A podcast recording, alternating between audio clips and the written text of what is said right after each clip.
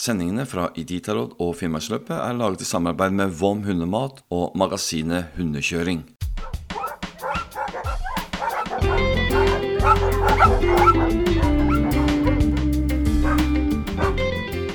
Du lytter nå til Hundepodden, en podkast for deg som elsker hunder.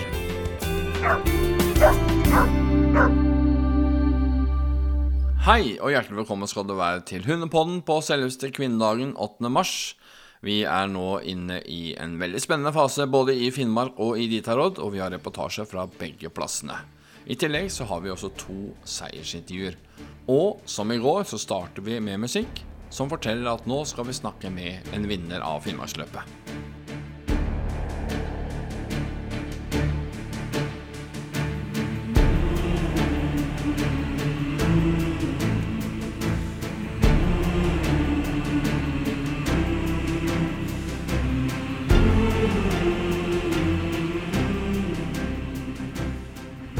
Først av alt i denne sendingen så skal vi ta en prat med vinneren av eh, FL 500, nemlig Ole Sigleif Johansen fra Rødberg. Og for de som ikke vet hvor Rødberg ligger, så ligger det midt mellom Geilo og Kongsberg.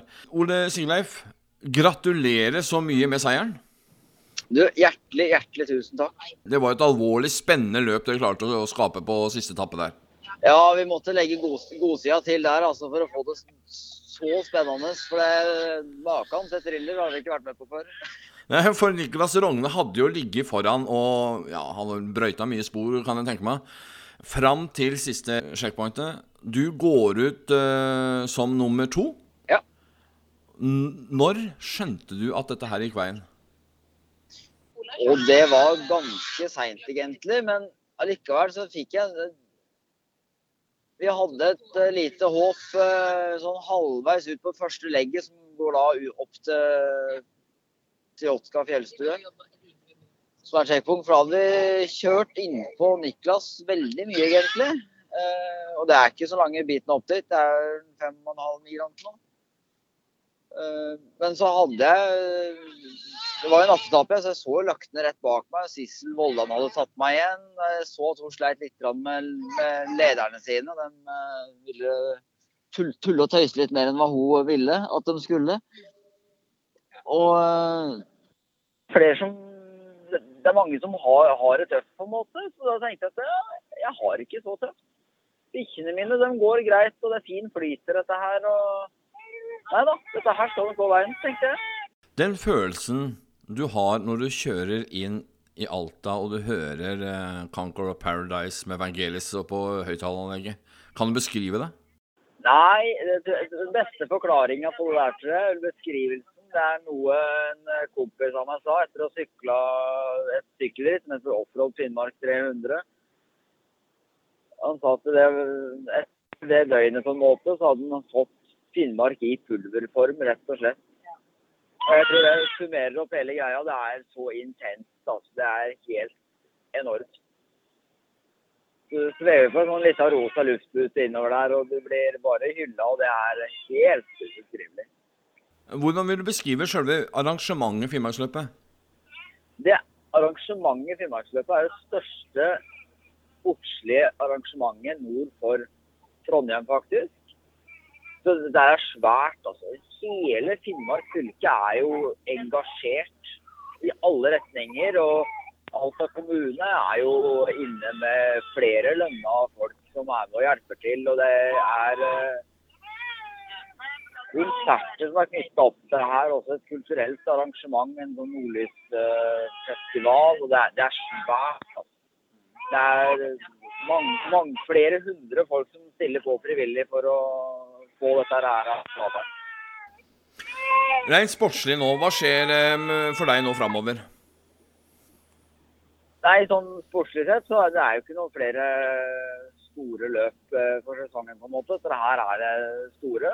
Eh, så nå er det det å jobbe videre med, med hundene på båtet og forberede for neste sesong. Så nå skal vi eh, gå påsketurer og kose oss og bedrive friluftsliv, på en måte. Den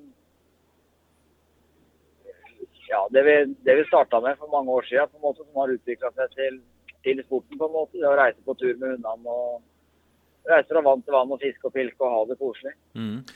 Løpet i år var lagt om. Det var eh, villmarkssjekkpunkter som ikke har vært der før, og det var litt lengre løype. Passa det deg veldig bra?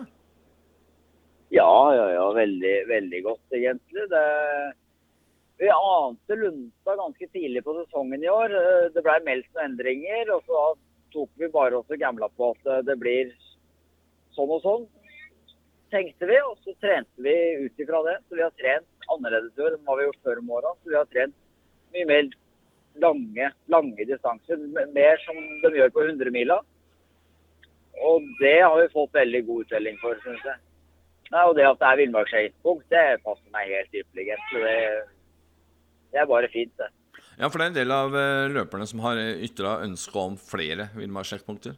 Ja, og det er jo det er mange som vil bort ifra det etappeløpspreget som er på, på, som var da, på Finnmarksløpet sin 500 eh, klasse.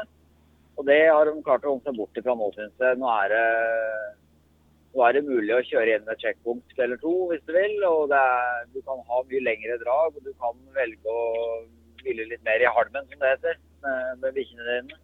Får vi se deg igjen på Finnmarksløpet neste år, eller? Kanskje et dumt spørsmål? Nei, eh, du vet altså, vi er et team. Vi er flere enn dere her. Så eh, det ble jeg eller noen andre. Det er ikke godt å si. Men du tar gjerne turen hvis du får anledningen? Ja, ja, ja. Det her er ikke avskrekkende. Selv om det er blitt et uh, fantastisk tøft løp. Uh, når man starter uh, på Finnmarksløpet lørdagen, så må man stå opp i sånn i halv seks-seks-tida på en måte for å være på plass tidsnok. Og så har du første mulighet til å sove et døgn etterpå. Da er du ganske sigen allerede. Og da fikk jeg en liten time på øyet før jeg skulle ut igjen. Så var det da et nytt døgn med bare én time søvn. Så det, du blir ganske sigen. Så det er et knalltøft løp. Og når du i tillegg da må være veldig aktiv sjøl og løpe og dytte og sparke, så blir det, blir tungt. Hvor lenge blir du i Alta nå, eller er du på vei hjem allerede, kanskje?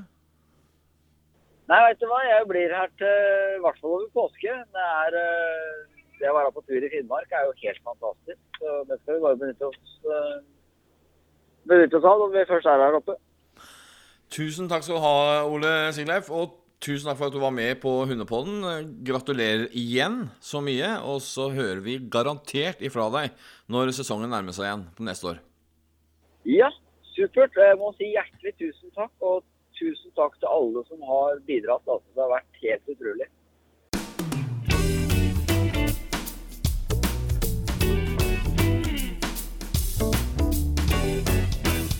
Da skal vi over til uh, våre korrespondenter, holdt jeg på å si, i Finnmark. Uh, høres ut som det er i utenriksfart, men det er ikke det. Men uh, de er med oss fra Kirkenes. Geir Stian Altmann Larsen, Borra Baby. Boris, Boris. Nå har dere altså kommet til Kirkenes. Løpet er i ferd med å komme til sitt vendepunkt, og så vender man snuta hjemover igjen. Hvordan ser det ut på sjekkpunkt Kirkenes akkurat nå? Ja, eh, kjørerne har jo som sagt kommet inn i dag, eller de, de første. da. Og eh, det er veldig folkeliv her. Scene Finnmark har eh, holdt konsert og masse flinke musikere. Og det har vært, eh, ja, det har vært mye som har skjedd. Og eh, Petter Karlsson kom jo inn her, og uh, han var nok litt sliten. For han, han var ikke fryktelig pratsom. Og det er vel mange som begynner å bli sliten nå. Men uh, han uh, var veldig fornøyd med, med, med sporet hit. For det, det, har jo blitt kaldere da. Så, så da ble det hardere. Ja, kjære lyttere, hvis dere hører at jeg går over på nordnorsk, så er det rett og slett for jeg har bodd i Nord-Norge i 17 år. Og når jeg prater med andre nordlendinger, så går det rett opp på nordnorsk. Jeg beklager det. Eh, men eh, Geir Stian, hvordan er været nå framover? Ja, det har jo vært ganske mildt, men nå ser det jo ut til at, eh, at, det fryser litt på. Og det gir jo et bedre spor da, for hundene. Føret blir jo hardere, og, og, og, det er en bra ting. I tillegg så trives jo bikkjen bedre da, i, når det er litt minusgrader. Så det, det, kunne nok gjerne ha vært enda litt kaldere. Men uh, man må jo bare ta det man får her. Nå, som sagt, nå snur løpet. Nå er det retning eh, Alta igjen. Hvordan ser reiseruta di ut uh, framover? Ja, nå eh, er det jo Vi er jo her eh, bl.a. for Finnmarksløpet og bladet Hundekjøring. Og eh, vi har en fransk fotograf, Davina Muller. Hun skal følge teten nå fremover. Så vi blir å legge oss litt bak da og, og ta litt bilder av dem som kommer midt i feltet.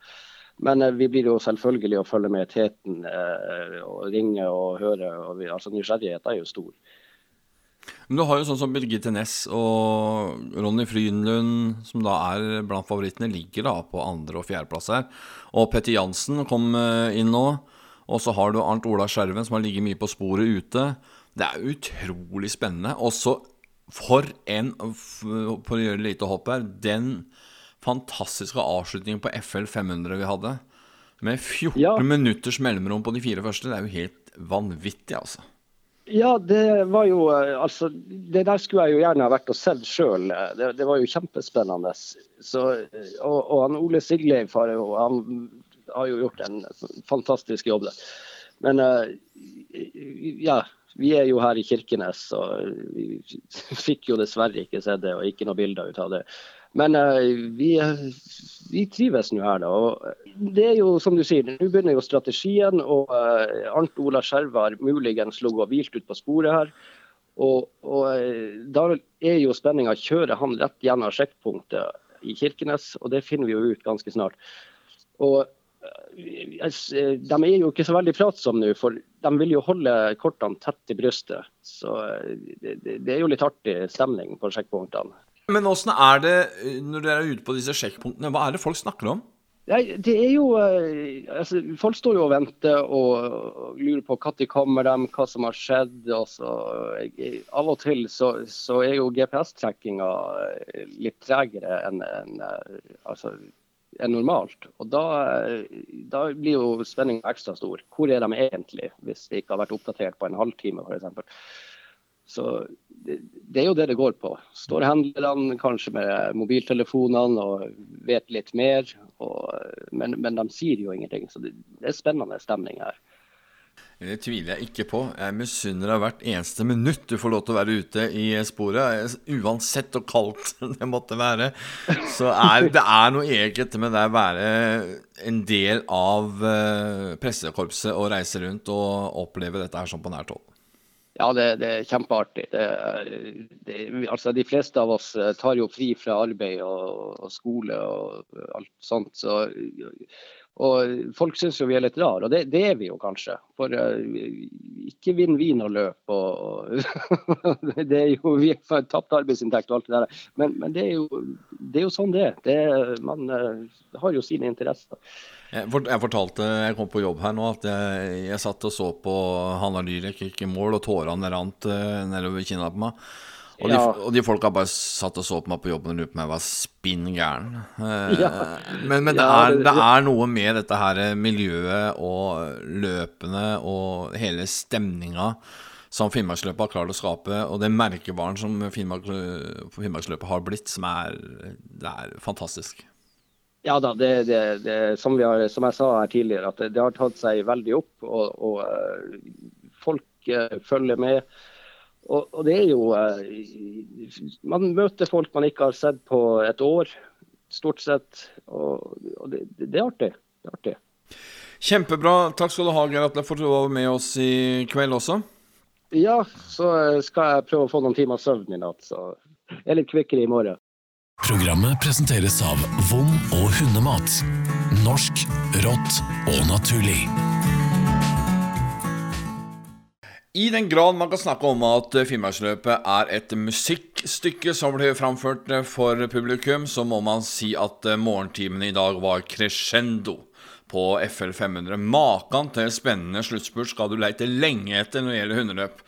Det skilte altså minutter blant de fire første som kom i mål.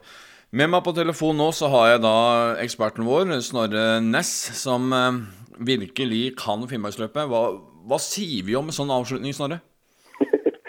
ja, vi snakka jo litt om uh, taktikkeri sist. Og uh, dette blei jo uh, veldig klart vunnet på den taktikken som på en måte jeg er litt glad i. At man ligger litt bak og lurer, og så kommer man opp på slutten. Altså man har eh, spart hundene litt og latt de andre brøyte spor og ta den tunge jobben. Og så, så kom man på slutten. Det er liksom oppskriften på å vinne veldig mange maratonøvelser, både for mennesker og dyr. da. Og Det er litt, litt sånn elegant å se på. Dessverre så, så, var det også veldig gøy å se unge Niklas Rogne på 19 år eh, kjøre i tet her. Eh, men han, han ja, kom ikke engang på pallen, han ramla ned på en fjerdeplass. Men det er ikke mer enn 14 minutter mellom eh, disse fire, sånn at han har fortsatt mange gode år foran seg som underkjører og kan sikkert få lov til det en gang seinere, tror jeg. Tror du han trekker lærdom av dette her òg? At han neste gang kanskje legger seg inn som nummer to eller tre? Kanskje. Eh, men dette er litt sånn Alle har vært ungdommelige og, og fulle av selvtillit og, og, de greiene her sånn. Så ja, det, det, dette er jo en av, eh, en av, livets realiteter, da. Eh, det var nok litt væravhengig at de fikk en del, ikke styggvær, men litt tøffere vær i natt. og Da er det tøft å ligge alene og brøyte. Og så kommer det da tre, fire, fem bak deg som bytter på litt med å å brøyte spor og, og, liksom jage deg, da, ikke sant? Og så ble han innhenta. Det er jo ja, Dette ser vi jo i Tour de og sånt nå. Noen ganger så lykkes de som stikker, og andre ganger så blir de henta inn. da, ikke sant? Og Det skjedde denne gangen, da. Dessverre for Niklas, men Ole Sigleif, bare gratulerer. Fantastisk kjørt. Og rett bak to damer, Elisabeth Edland og Sissel Vollan. Og da fikk jeg vel to av fire av favorittene mine som vi pekte på før, eh, før start, eh, opp eh, på pallen. Det var ikke så gærent gjetta, syns jeg. Nei, det syns jeg var veldig bra gjetta. Det var helt rett. Du, hadde, du fikk inn det, altså. Hvis vi da beveger oss over på 1000, og de nærmer seg nå Kirkenes. Vil si de, de første har vel allerede kommet til Kirkenes. Peter Karlsson leder. Ja, litt sånn ukjent blad for meg. Det er en svenske som jeg tror har veldig raske hunder som ikke har eh, hevdet seg voldsomt i langdistanse før. Han kommer nok litt fra mellomdistanse tidligere. Eh, og Det er jo kjørere som har hatt en raskere stamme hunder, men ofte ikke med, med staminaen til å gå helt i mål på slutten. Men dette er noen år siden. Han har sikkert avla seg opp og, og, og fintuna for dette her, i og med at han nå ligger eh, godt an i Kirkenes da i tet. Her også har jeg vel tre av, av, de fem som er kommet til eh, Kirkenes, så var vel tre forhåndsfavoritter fra meg. Birgitte og Ronny og Marit Beate. Og så har vi da fått opp Kenneth Nilsen, som er en veldig veldig dyktig hundemann, på en tredjeplass. Og, og Petter Karlsson, da, som jeg ikke, ikke hadde sett komme. Men øh, man kan jo si at det nå begynner å utpeke seg en, en tetgruppe her. Det er, det er et par-tre som kommer bak her vi skal være litt obs på, men, men, det begynner å danne seg en tet-gruppe nå. Nå begynner bildet å bli tydelig etter uh, Kirkenes. Hvem bak har du da tenkt på? Petter Jansen? Petter Jansen, Om han eh, kjører bevisst litt saktere, eller om det er farten han har, det er jeg usikker på. Jeg mistenker at han har mer inne. Og så ser jeg Arnt Ola Skjerve, eh, som er en luring. Han har eh, kjørt tvers gjennom Ellentjern og hvilt ute på sporet. Eh, så hvilken taktikk han har nå, om han har tenkt å kjøre tvers gjennom eh, Kirkenes, det vet jeg ikke. Eh, han har ikke kommet inn ennå, det blir spennende å se hva han velger å gjøre. Men han har hvilt på sporet og har liksom brutt den rytmen som de fleste følger, altså som er sjekkpunkt, sjekkpunkt. Og da er det lett for konkurrentene å å holde kontroll på hverandre. Men når du begynner å pause på sjekkpunkt, så vet ikke konkurrentene hvor lenge du har hvilt, og, og, og når du kjørte og hvor du hvilte og sånn. og det, man, man, har, man, er ikke forplikta til å stoppe på sjekkpunktet, man kan hvile på sporet også. Det er litt eh, dårligere grad av service, men det kan gi taktiske fordeler. og Nå får vi se om Arnt Ola kan finne på et lite stunt her og, og, kanskje kjøre tvers gjennom Kirkenes og gå rett i tet. Det er også mulig. Det å hvile på sporet, kan det også bety større ro for hundene? Ja, i stor grad så kan det det. Men disse bikkjene er såpass verdensvante at de, eh, de, sover godt med holdt jeg på å si, lyset på og full bankett i, eh, i stua. Sånn at eh, Ja, men jeg tror ikke det er grunnen, egentlig. Jeg tror nok det er mer taktiske grunner til at man velger å, å hvile i sporet. At man ønsker å dele opp etapper som er lange. Men den etappen til Elgtjern er for så vidt ikke så lang. Så, så hva Arnt Ola har gjort her, det er litt spennende. Vi får se. vi får se. Mm. Akkurat det som gjør det løpet her så utrolig fascinerende å følge med på. Ellers så har jeg fulgt med på denne trekkinga i dag. og Dette er en liten sånn eh, kuriøs sak, men vi så jo at en som heter Jan Vidar Dale, han var jo på vei motsatt vei. Han kjørte rett til Kirkenes og ikke til Ellenkjær, så han hadde kommet inn på feil. Han måtte ha tatt feil i et kryss, og var det plutselig så kjørte han eh, mot klokka og mot strømmen. Så han kunne også vært førstemann til eh, Kirkenes, men heldigvis så, så, tror jeg han har tatt seg i det og snudd og kommet seg tilbake igjen til Neiden og tatt den riktige veien til Ellenkjern og så til Kirkenes. da.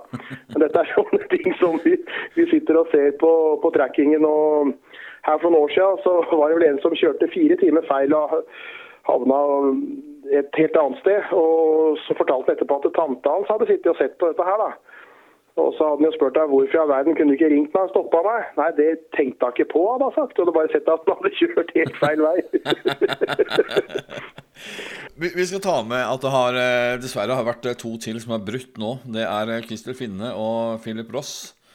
Eh, og så fikk vi også beskjed om at Bjørnar Andersen hadde brutt, og det skyldtes rett og slett at det var Bjørnar Andersen som ikke orka mer.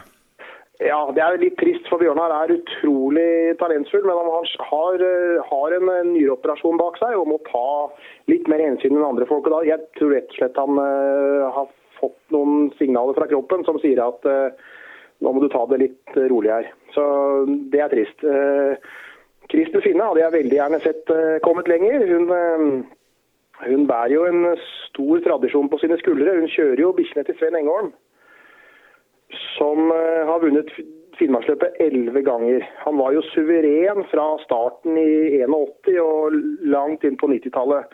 Og jo, er jo kongen av Finnmarksløpet, da, vil jeg si. Eh, så jeg hadde ønska meg det spannet lenger, men eh, hva som er grunnen her, det vet vi ikke. Man kan ha fått småsjuke bikkjer eller et eller hjemlengsel eller et eller annet. ikke sant? Ja, tyder på at det kan være småsjuke bikkjer, fordi at hun hadde bare 900 ut. Ja, ja. Philip Ross han er jo skotte, og han hadde også 900 ut, så det er tydelig at det har vært noen problemer med hundene der også. Ja, ja, jeg kjenner ikke. Det, det er vanskelig å være utlending og komme til Finnmark og ha stell på alt. Altså, de som klarer det, må jeg virkelig ta med hatten for. Men det er en, eh, en voksen oppgave. Vi har snakka litt om hviletid før, og vi har snakka om taktikk. I dag så tenkte jeg at du skulle snakke litt eh, om utstyr og utvikling av utstyr gjennom årene. Og Vi begynner med kanskje det som er de fagområdet også, da, nemlig kjelke.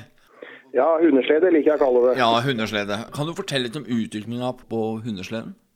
Ja, altså Det har vært en, eh, en, egen kunstart i sikkert 200 år, hvor man har tatt et uh, trestykke og, og splitta det og surra det sammen med fleskereimer uh, som har vært uh, dyppa i uh, fett av hvalolje eller seljeolje, hva det er da, ikke sant i dag så er vel det dessverre en utdøende kunstart. Eh, det som har skjedd der, altså Man ønska å knytte, knytte, sammen sledene, de forskjellige delene med fleskereimer, for å gi sledene fleksibilitet, sånn at de kan tåle dumper og slag og staup osv. uten å, å, riste i fillebiter. da. Så da var det uh, surringene som ga den fleksibiliteten som trengtes for at de ikke skulle gå fra hverandre. Nå har man på en måte tatt det enda et skritt lenger og flytta fleksibiliteten inn i materialene på sleden. Eh, det var en genial mann som eh, egentlig skulle jobba for Boeing-fabrikken, som heter Tim White. Men han eh, droppa ut etter bare et halvt år og tok med seg kunnskapene sine ut av Boeing-fabrikken og lagde en fantastisk ski som er lagd i flyaluminium. Som er utrolig sterk. og Den, den, den skia er så fleksibel og, og, og lett og sterk at den har samme styrke som en treski, med en syvendedel av profilen og vekten. da. Og Den er det alle sleder i dag blir bygd på. Den eller varianter av denne skia. da, ikke sant? Eh, så nå kan man skru sammen sledene med skruer, fordi at eh, fleksibiliteten er flyttet over i materialene. Så sledene er blitt en del lettere. Ikke så forferdelig mye lettere, men de er blitt først og fremst mye sterkere, mye mer vedlikeholdsfri. Men er det noe krav til vekt? Nei, det er ikke det. Så, så uh, her har vi en av disse litt fine tingene med, med langdistanseunderkjøring, eller underkjøring. Det er at uh, bygger du for lett, så blir det for spett, og så ryker det. Så dette er ganske selvjusterende. Du, du kan ikke være sledeprodusent og, og levere noe som ikke tåler uh, ganske ufin bruk, rett og slett. Så, så, her er det rett og slett uh, tilbud og etterspørsel og, og sledebyggerens dyktighet som avgjør eh, renommeet i miljøet, da, kan du si. Vi hadde en prat tidligere i sendinga med Eira Åseby, som vant EM-gull nå i firespann for hunder. Og de har jo en slede, det er jo eh, riktignok en helt annen type slede, en helt annen konstruksjon. Men den måtte da veie 70% av hundens vekt. Å ja, nå snakker vi om noe helt annet, for det er eh, nordisk stil, og de kjører med en pulk, en støpt pulk. Eh, og nordisk stil eh, har et regelverk hvor man bruker hundens vekt, og så bruker man en vektfaktor og bestemmer, da. Men de har, altså, i et langdistanseløp så har man med seg utstyr som man kan få bruk for underveis. Det skal være med sovepose, det skal være med så og så mange hundesokker, det skal være med fôrkoker til bikkjene, spade, skift med klær osv. Mens de som kjører i nordisk stil, de har konkurranser som stort sett er over på under en time. Og, og, dette går i stort sett kontrollerte skogsområder, sånn at de trenger jo ikke noe overlevelsesutstyr. og Derfor har de satt en vekt som skal simulere eh, tja, historiske oppgaver som hundene hadde før i tida. Da, ikke sant? Altså Nordisk stil er jo en, eh, en underkjøringsgren som er oppstått i eh, skogene i Norge, hvor man kjørte hundene i tandem for å hente hente skader i marka og sånt. Og så har man lagd en konkurransegren av det. da, Så ønsker man at hundene skal ha en, en belastning. ikke sant? Mm. Men, men, du sier at dette er ofte selvregulerende når det kommer til langdistansekjøring. Eh, men jo bedre slede du lager, da, si, du lager en veldig god slede som er veldig lett, så gir det store fordeler, gjør det ikke det? Jo, jo, selvfølgelig. Eh, men eh, ingen vinner med en slede som er knust midt inn på Finnmarkssida. Sånn at det må henge sammen først, og så må det være lett etterpå. Så alle produsentene presser jo grensene, selvfølgelig. Men, men, det er et skjæringspunkt her som man ikke kan krysse. Det er det jeg sier. sånn at eh, I dag så veier nok en langdistanseslede den kan veie ja, mellom 15 og 20 kilo før du begynner å laste inn. da, ikke sant? Mm. Uh, og Det er vanskelig å komme under den vekta uten å begynne med veldig kompliserte og dyre prosesser, som jeg er heldigvis glad for at vi ikke har innført i sporten vår. Da, ikke sant? Fordi dette er en kostbar idrett nok som det er. da. Et eh, spørsmål til, eh, til slutt. her. Dette her med utstyr som skal være om bord i sleden, er det arrangøren som bestemmer hva som skal være med der? Eller er det opp til hver enkelt fører? Nei, altså det er, det er en obligatorisk liste som består av eh, minimumsutstyret du skal ha med. Eh, det varierer lite grann, men, men eh, det er basically det du må ha for å ta vare på hundene og overleve forskjellige uhell du skulle oppleve da om du skulle gå gjennom isen eller bli fanga i en storm eller et eller annet. Men det, det, det, her er ikke en komplett liste. Du må ha med deg mer. ikke sant? Mm. Eh, for alle skjønner at det kan være greit å ha med seg litt å drikke sjøl. Det er ikke spesifisert. Altså her, her må man være én, du må følge de reglene arrangøren setter. Og så må det være såpass eh, fjellvant og fjellfant at eh, man skjønner hva man trenger av annet utstyr for å få en mest mulig hensiktsmessig rask eh, forflytning i høyfjellet da, ikke sant? Det var en veldig bra forklaring på slede, eller hundeslede som du foretrekker at jeg skal kalle det. Ja. vi, skal, vi, skal, følge terminologien her, det skal vi gjøre. Ja, ja, ja. ja. Tusen takk skal du ha for at du var med, Snorre. Og så hører vi snart fra deg igjen. Nå snur de som sagt og vender nesa hjemover, så nå blir det utrolig spennende framover. Ja, nå har vi en tetgruppe vi kan følge. Jeg tror vi snakker om sju-åtte spann her. Jeg holdt på å si mann, men det er jo en del kvinner her òg. Og vi må ikke glemme de på kvinnedagen. Så, ja, men jeg tror vi begynner å få et bilde nå som, eh, som eh, blir lettere å følge. Så eh, vi kommer til å følge loggen til Finnmarksløpet ganske tett framover. Det gjør vi. Da høres vi igjen om ikke så altfor lenge, Snorre.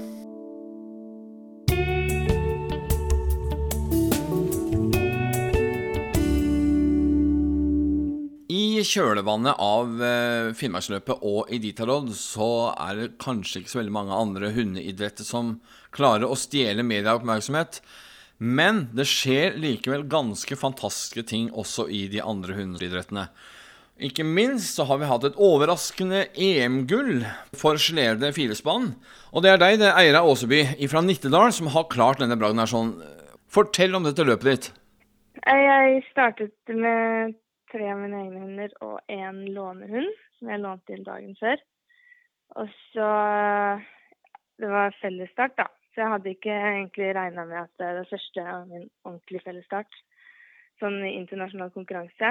Så jeg satset egentlig bare på å kjøre, kjøre trygt og prøve å holde hodet kaldt og bare egentlig komme meg gjennom løypa. Jeg visste at hundene mine er gode nok hvis hvis vi har en god dag og det ikke skjedde noen ting og sånne ting. Men eh, at vi skulle vinne, det hadde jeg ikke trodd. Nei, Det er sjelden, sjelden at vinnerne tror det. Men eh, dette her med løpet, hvordan var føret? Eh, nei, det var, føret var egentlig veldig fint den dagen.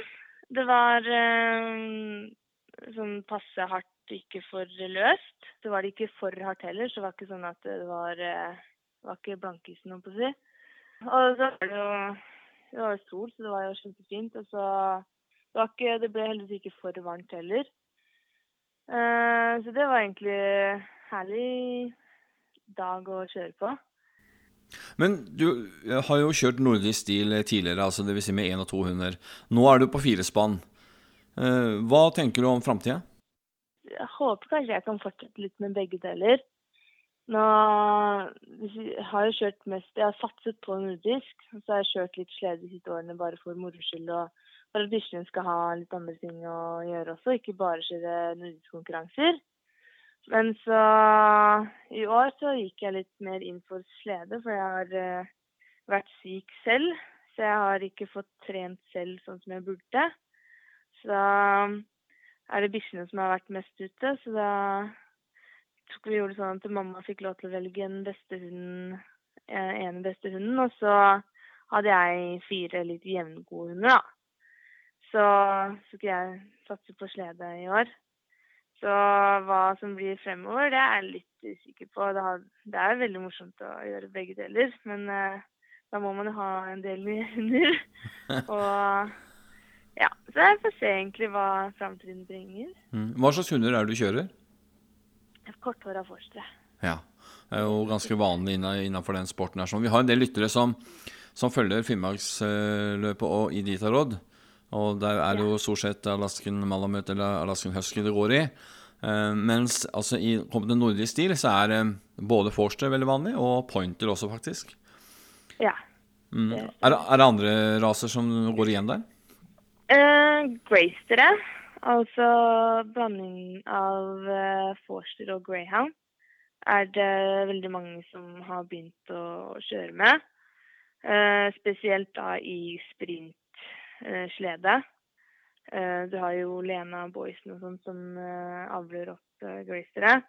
Og de er jo gjerne litt mer eksplosive og og det er veldig mange som tror at de ikke holder så lenge, men med riktig trening så er ikke de så verst, de heller, altså. Når du kjørte firespann nå, Eira, hvor lang er løypa? Vi kjørte åtte kilometer. Da kjørte vi to runder på fire kilometer. Hvor vi da var inne på stadion og varva. Eh, så det var Løypa var egentlig på en måte krevende i forhold til hva kanskje sledekjørere er vant til. For det var mye opp og ned og mye krappe svinger og sånn.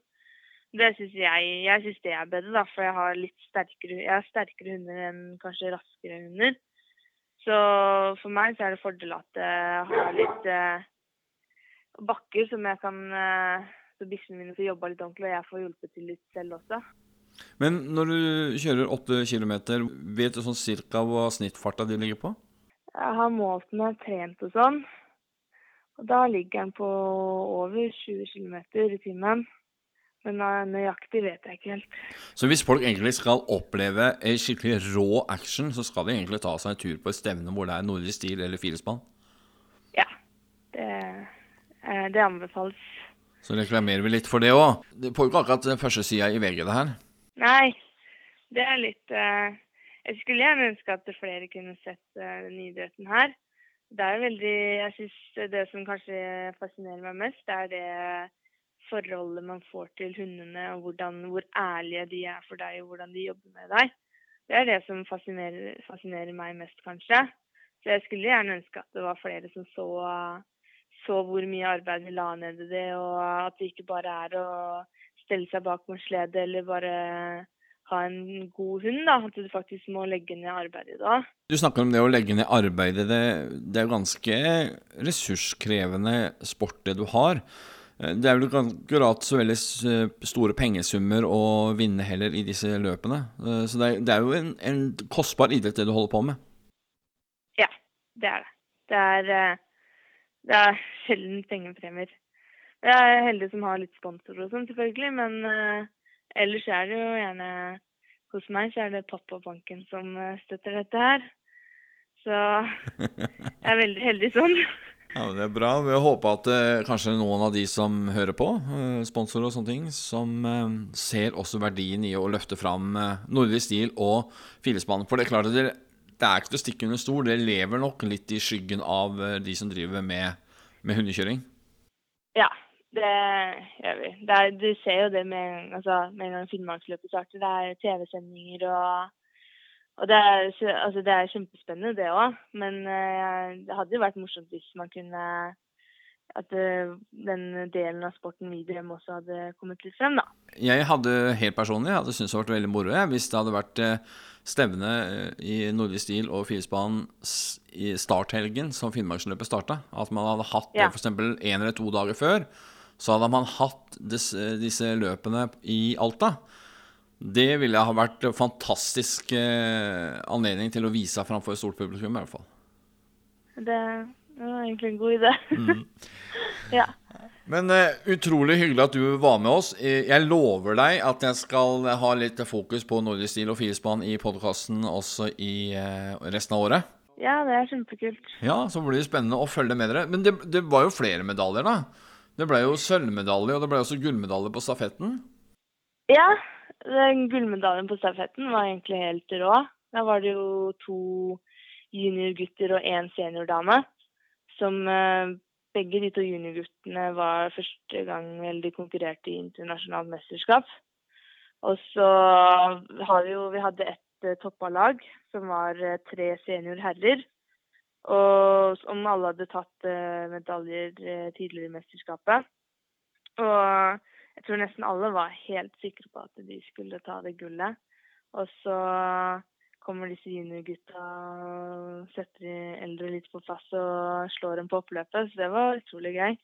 Det var litt kult. Ja, jeg syns det var kjempekult. Og for ordens skyld altså må vi si til eh, de som hører på, at eh, stafetten det var da i nordisk stil, altså med én hund og slede. Ja. ja. Eh, og, så en, og så ble det også en sølvmedalje, og den gikk til Yvette Hoel, og så kom Karine Nilsen og tok bronseplassen. Ja, på combinen. Ja. Hva vil det si? Combine, da kjører man først Det er fellesstart. Og så kjører man én runde med pulk på 7,5 km. Det kommer litt an på hvor langt du kjører i forhold til junior og seniorene. Og så, etter 7,5 km, så kjører man eh, inn på stadionegjernet. Og så skal man da kjøre inn i en pitstop, som vi kaller det. Og da skal du sette av deg pulken. Og så, eller sette fra deg pulken, da, med å koble av hunden og sånn. Og så skal du kjøre da en til runde på 7,5 med snørekjøring. Da er det den første mål som vinner, da. Og det er, det er jo det er om å gjøre liksom å være rask i den pitstoppen. At man ikke At man har kanskje noen hurtigløsninger. At uh, man har øvd mye på det fra før av. og sånt. Så det er litt sånn teknikk og øvelse og sånn. Du ser jo hvem som har øvd og hvem som ikke har øvd på det, gjerne. Men i nordisk eh, stil og firespann, hva er det som er liksom de gjeve grenene blant dere kjører, liksom? Eh, Altså Når det er i hundekjøring, da, så er det jo FL 1000 eller Iditarod som får den største oppmerksomheten, for det er det lengste løpet. Åssen er det blant dere? Er det, hvilke grener er det som er gjeve der? Det er jo kanskje mm, Det er kanskje combinen eh, i VM og sånn. At, eh, for der krever det såpass mye av hver utøver. Vi konkurrerer jo i flere øvelser over flere dager, så det er jo gjerne at man har eh, at man har trent nok og har gode nok hunder, sånn at de holder eh, tre-fire dager da, med harde konkurranser hver dag. Um, og så er det jo det er jo hard konkurranse for å komme seg til de mesterskapene også, som er rundt om i verden, faktisk. Eh, så hva som jeg, er nok litt forskjellig på hva folk eh, tenker som på det gjeveste. Men for meg så hadde det vært eh, en gullmedalje i f.eks. combine i VM, f.eks. da. Er det et mål for deg da? Når jeg får trent Ja, det er det er vel det når jeg får begynt å trene igjen. Det er jo Jeg vet ikke, jeg syns det er litt sånn um, Jeg blir så innmari nervøs før jeg starter, så det er nesten litt fælt noen ganger. Men uh, det er utrolig god følelse etterpå, da. Eh, du hørte lite bjeff eh, i bakgrunnen eh, hos deg i stad. Er det en av vinnerne, eller? Ja. Det er de, blir imponert over de noen ganger, altså. Eller nesten alltid. Så er liksom hvordan de jobber og Sånn som når vi kjører pulk, så er det jo Vi har jo 70% av hundens vekt i pulken. Det syns jeg er ganske utrolig hvordan de Den farta de holder med både oss bak og den pulken på seg. Så ja, det syns jeg er viktig at de har det godt og får sove litt i senga om natta. Sånn. Ja, bra. Når du kom hjem, var det champagne og bløtkake, eller? Ja, vi kom hjem halv to på natta, så var det rett i senga. Så var det skolen dagen etterpå, så det var litt sånn eh, blir litt sånn der, Noen ganger det går litt sånn fort i svingene og sånn, så man blir sånn holder på å sovne på skolen nesten. Så det har ikke blitt så mye sånn feiring ennå. Hadde klassekameratene dine fått med seg at du hadde vunnet, eller? Ja. Så det var det jeg kom inn i Jeg kom selvfølgelig noen minutter inn for seint òg, da. Jeg var litt trøtt om morgenen. Så fikk liksom noen kommentarer når jeg kom inn, og det er veldig koselig. Det setter jeg alltid pris på. Morsomt når folk legger merke til at den gjør en så bra prestasjon som det de gjorde. Gratulerer igjen, eh, Øyra. Vi kommer sikkert til å høre mye fra deg i tida framover.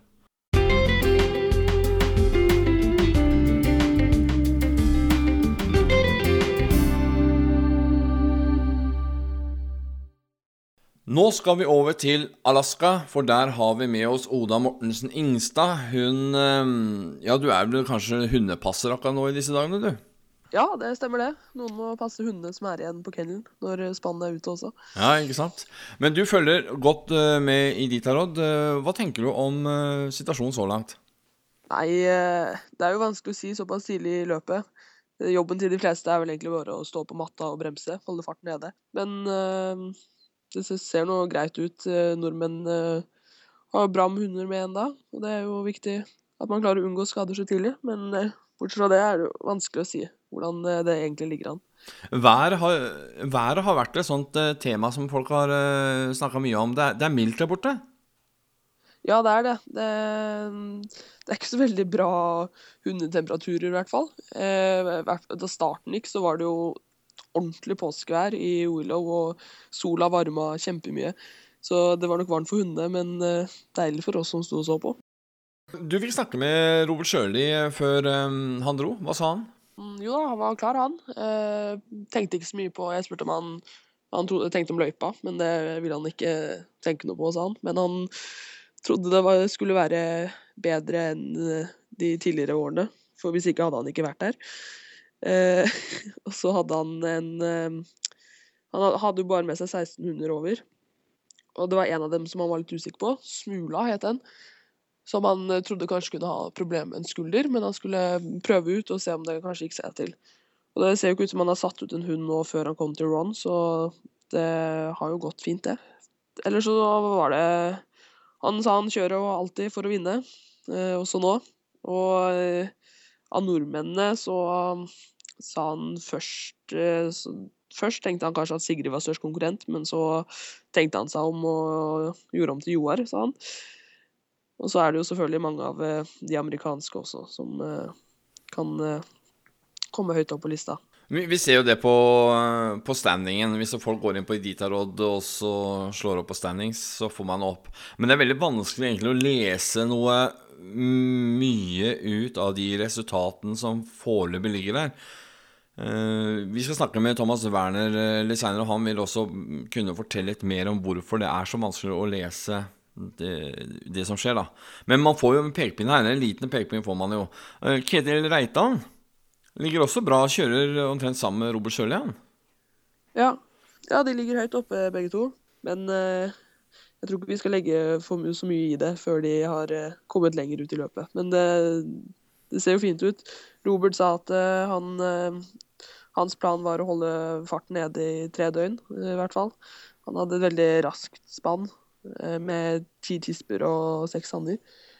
Så han håpet på raske spor, for så vidt. Men inntil videre skulle han bremse. Likevel ligger han på topp ti, da, så Ja, Det blir utrolig spennende å følge med for det her utover. altså.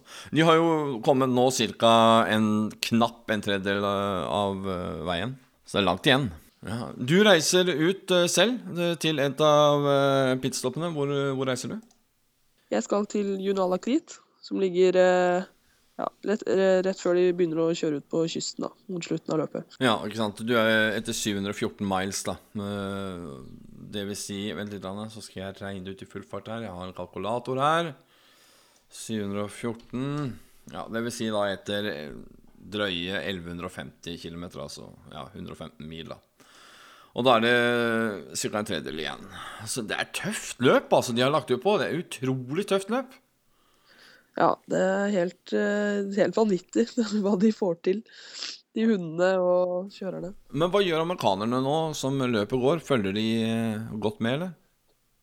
Ja, det virker som eh, alle er på nett.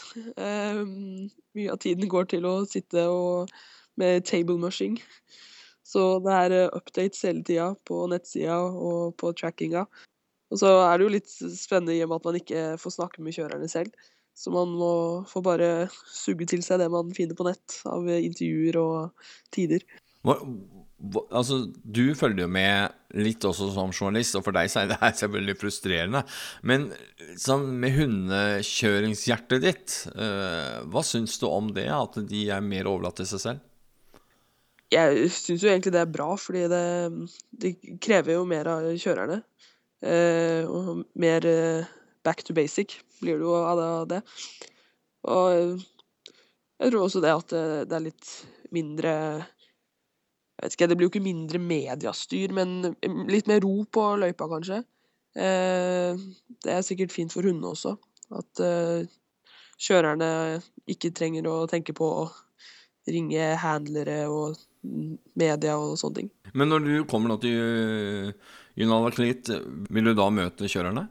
Ja, det har jeg fått inntrykk av at vi eh, kommer nok til å være på sjekkpunktet og sånn da òg, ja. Så det kan godt være. Kjempebra. Da skal vi eh, høre mer fra deg når du reiser ut. For jeg vet at nå skal du jobbe et par dager med hundene og før du reiser ut. Og så får vi en rapport fra deg litt seinere. Håper at du har dekning der ute, da. Ja, det er jeg ikke helt sikker på. Vi får se. Ja, vi får se. Vi krysser fingrene i hvert fall. Takk skal du ha, Oda, for at du var Ja. med. Yes, ha det.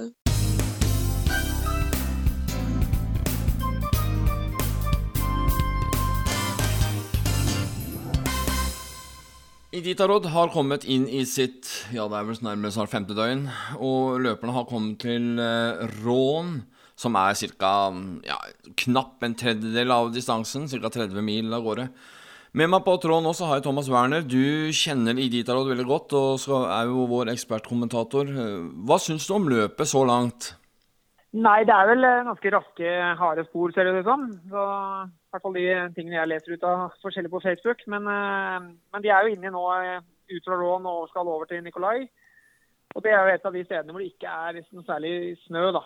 Så, så det jo en, kan jo være en ganske tøff kjøring. Men, men det får vi bare høre. Så historiene som kommer om det. Hva slags terreng er det som venter de? Nei, det er egentlig ganske flatt terreng, egentlig. Du ligger egentlig og kjører på, på siden av elva. Men problemet som er, er at det er jo liksom ikke noe snø. Så det er jo ganske mye sånne gresstuster som er ganske store, som du treffer med sleden. Og, og, og ganske røft å stå med et 16-spann med hunder som napper i vei uten å Uten at du egentlig har noe bremse på. da, At du har ikke noe snø å holde igjen på. Nei, for jeg har jo sett det på, på været også, at det har jo vært rimelig varmt, faktisk, på dagtid. Ja, det ser ut som det har vært veldig varmt. Jeg har jo fulgt med på, på Facebooken på, på de forskjellige jeg kjenner der borte. og Det er jo overvann og elver som er åpne og sånne ting. Så, men det er faktisk sånn at ting går fortere når det er varmt enn når det er kaldt. Altså det, det er sjekkpunktstelle og hundene og alt. Det, det går mer unna enn enn hvis det er 40-45 minus. Sånn. Ja, men du sliter kanskje mer på hundene at det er høyere temperatur? Ja, det er i hvert fall det er jo en del hunder som blir påvirka av det. Altså, hvis det er veldig varmt, da. Men det er ikke sikkert det er så, så varmt at det er, eh, er et problem. Men eh, det som er problemet når det blir, hvis det blir veldig spor, er jo at det er veldig fort å kjøre for fort. da. Altså Å få en del skader. og At hundene går egentlig litt over komfortsonen sin. da. Hva vet du om de norske så langt? Nei, altså det som er, Jeg har sittet og sett de forskjellige kjøreplanene, hvordan de har kjørt de nå. og det er jo det er Noen kjører langt, og noen kjører kort, og noen kjører sånn. Så det er egentlig ikke så veldig mye å si om det. og at I hvert fall de fire norske vi som jeg har regna i toppen, de, de, er jo med der. Og, og, det er jo egentlig mulig å si om det er noe styrke eller ikke styrke eller sånne ting nå på det tidspunktet. Det alle egentlig ser bra ut. Kjelde Reitan var en kar som vi ikke snakka om uh, forrige gang jeg snakka med deg. Han, men han kjører ikke for Norge? Nei, han kjører vel for uh, Ja, kjører han for USA? Det har jeg ikke fått med meg. Jo, jeg tror det er USA. Vet du hvorfor? Han bor jo der borte nå, så det er vel derfor. Og han, jo, han har jo bodd der før, og kona hans er jo derfra, så, så, det er vel derfor. Hva tror du vil skje nå med løpet framover? Nei, nå er det jo egentlig Det som er interessant nå, er jo å se hvor folk tar ut den, eh, den 24-timeren sin. Det er jo først etter den har vært tatt ut at det begynner å bli interessant å følge med sånn, og se på analyse og hvordan ting er. Så fram til den 24-timeren så, det, så er det veldig vanskelig å spå hva folk gjør. Men, eh, men, noen tar noe på Takotna, noen tar noe og presser det helt til Ruby. Altså, det, er veldig, det er veldig opp og ned i de kjøreplanene. Så det er jo først når du egentlig kommer på en måte på Yukon du begynner å kan se og, altså, en tendens på hvem som er med i løpet og ikke i løpet. da. Litt sånn som det er på Finnmarksløpet. at Det er liksom først når du kommer egentlig til Kirkenes og, og Neiden 2, egentlig, det er da du ser hvem som kommer til å være med og kjempe ordentlig i toppen. Apropos Finnmarksløpet, hva syns du om eh, Ole Sigurlaus Johansen sin prestasjon? Jo, ja, det var jo kjempebra det. Han hadde jo et veldig futt på slutten og klarte å, holde, å få opp farten skikkelig. Så det er jo kjempebra kjørt. altså. Så De kjørte jo imponerende, egentlig alle de fire som kjørte helt i toppen der og kniva sånn. Jeg, hadde, jeg holdt en liten knapp av Niklas. altså Jeg syns det var innmari kult sånn for eh, sporten, for å si sånn, med en så ung som gjør det så godt. Så men det, den som vinner, har fortjent det. Men du verden hvor spennende det var? Ja, det var veldig spennende. Det var uh, skikkelig thriller. Så det var uh, Ja, det var morsomt å følge med. Mm, bra for sporten òg? Ja, det er det. Og det er veldig viktig at det er litt sånn at det ikke er en sånn suveren leder som ligger to timer foran de andre. og Da blir det ikke veldig gøyalt å følge med. Så jeg tror sånne ting som, som Åsmann-klassen gjorde i år, det gjør jo at det, er, det blir jo en veldig veldig interessant å sitte og følge med. Jeg sier takk til deg i denne gangen, Thomas. Jeg kommer tilbake til deg når eh, løperne begynner å nærme seg Yukon. At vi begynner å, å se litt mer, og så tar vi en oppdatering da. Ja, det kan vi gjøre. Kjempebra. Flott. Takk skal du ha for at du var med.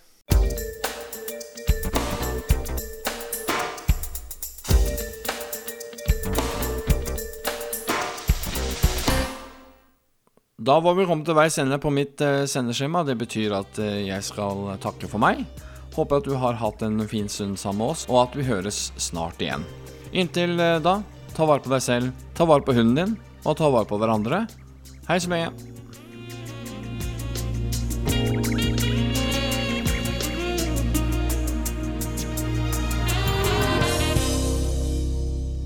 Sendingene fra Iditarod og Finnmarksløpet er laget i samarbeid med Vom Hundemat og magasinet Hundekjøring.